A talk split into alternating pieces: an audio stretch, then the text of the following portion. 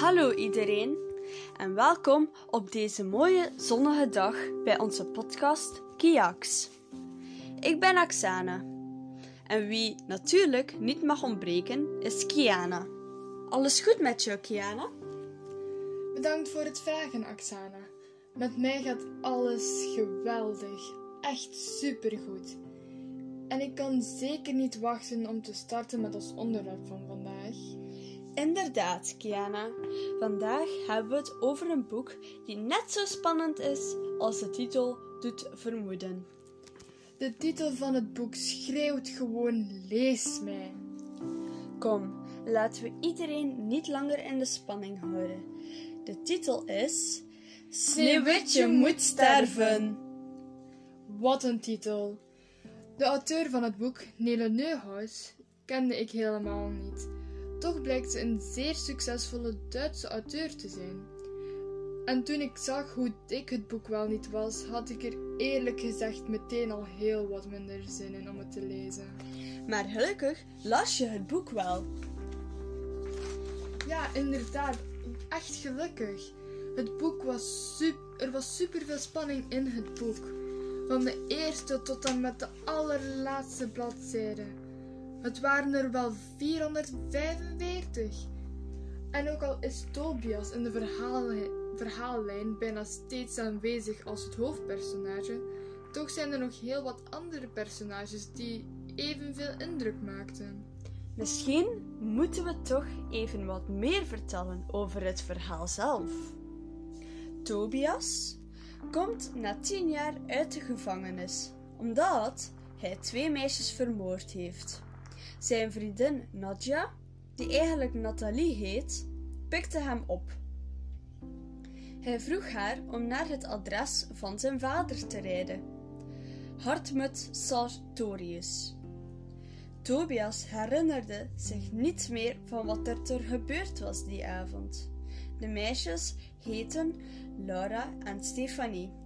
Stefanie had de bijnaam Sneeuwwitje omdat ze heel goed op Sneeuwwitje leek. En ze kreeg dan ook de hoofdrol als Sneeuwwitje in een toneelstuk op school. Tobias liet Laura vallen voor Stefanie. Maar Stefanie liet Thomas vallen voor meester Lautenbach. Die werkte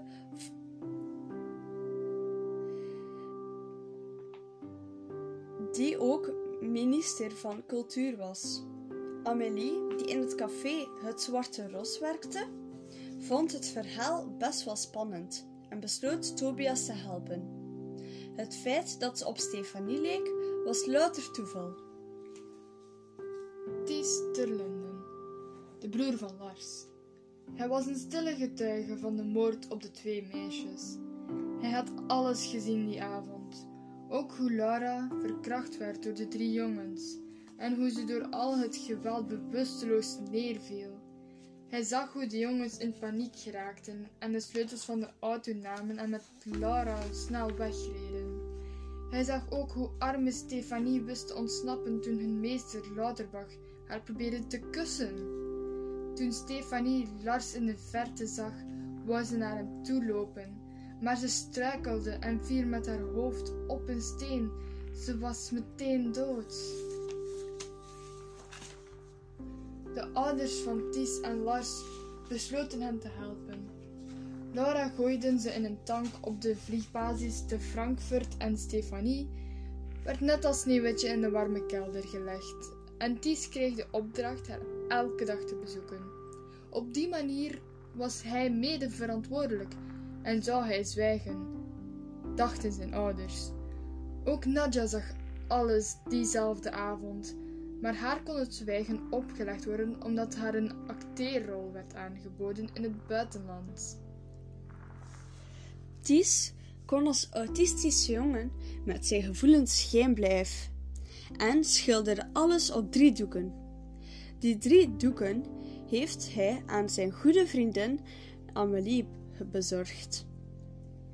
Zij toonde de schilderijen aan Tobias en Tobias was zeer geschokt.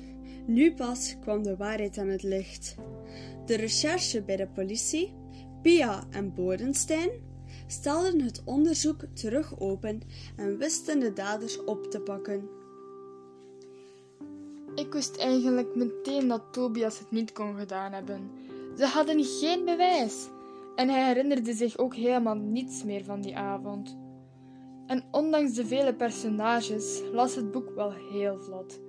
Vele personages zijn ook helemaal nog niet aan bod gekomen, zoals Rita Kramer, de moeder van Tobias, of Manfred Wagner, de vader van Laura, Cosima, Jorg, Felix, Michael en nog heel wat andere personages. Maar dit is helemaal niet nodig om het hele verhaal te reconstrueren.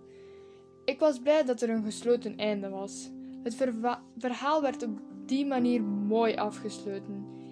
Ik hou niet van een open einde. Het was in één woord een perfect boek. Mocht ik het boek sterren moeten geven, dan geef ik vijf sterren. Zeker weten. Ik vind dat ook, Jana. Het boek is voor mij het maximum aantal sterren waard. Vijf. Dat weet ik zeker. Het boek is een aanrader en neemt je mee in het verhaal. Je verveelt je geen moment en je hebt het raden naar wie de dader is. Je zou denken dat het boek in de ik-vorm geschreven werd, maar dit was zeker niet het geval. Het verhaal wordt verteld door de auteur zelf. De auteur is een alwetende verteller, zoals dat heet, want zij weet zeker heel goed hoe het verhaal eindigt. De auteur weet ook de spanning erin te houden door de plaats en ruimte goed te omschrijven, zoals dit paragraafje.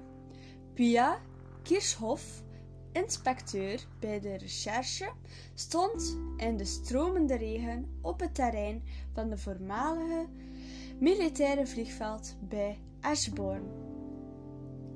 Zo, je kan op deze manier ook heel goed voorstellen waar het was en ook of het zomer of winter was, of het warm of koud was.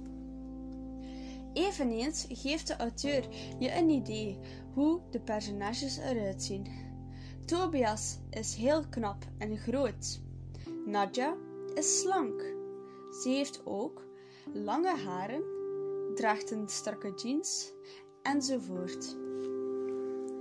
Nu staat er jullie luisteraars slechts nog één ding te doen. En dat is zelf het boek lezen natuurlijk. Ook al hebben wij je al reeds kunnen vertellen waarover het boek gaat, geloof mij, er zijn nog heel wat verschillende verhaallijnen die nog niet aan bod kwamen. Ik weet zeker dat jullie het boek net zoals wij in één ruk zullen willen uitlezen om te weten hoe het verder gaat. Dat is zeker zo, Kiana. Dus reserveer alvast het boek in jouw bibliotheek en wij kijken al naar uit naar ons volgend onderwerp. We hopen dat jullie er bij onze volgende podcast zullen zijn en dat jullie vandaag nog van het mooie warme weer zullen genieten. Dag!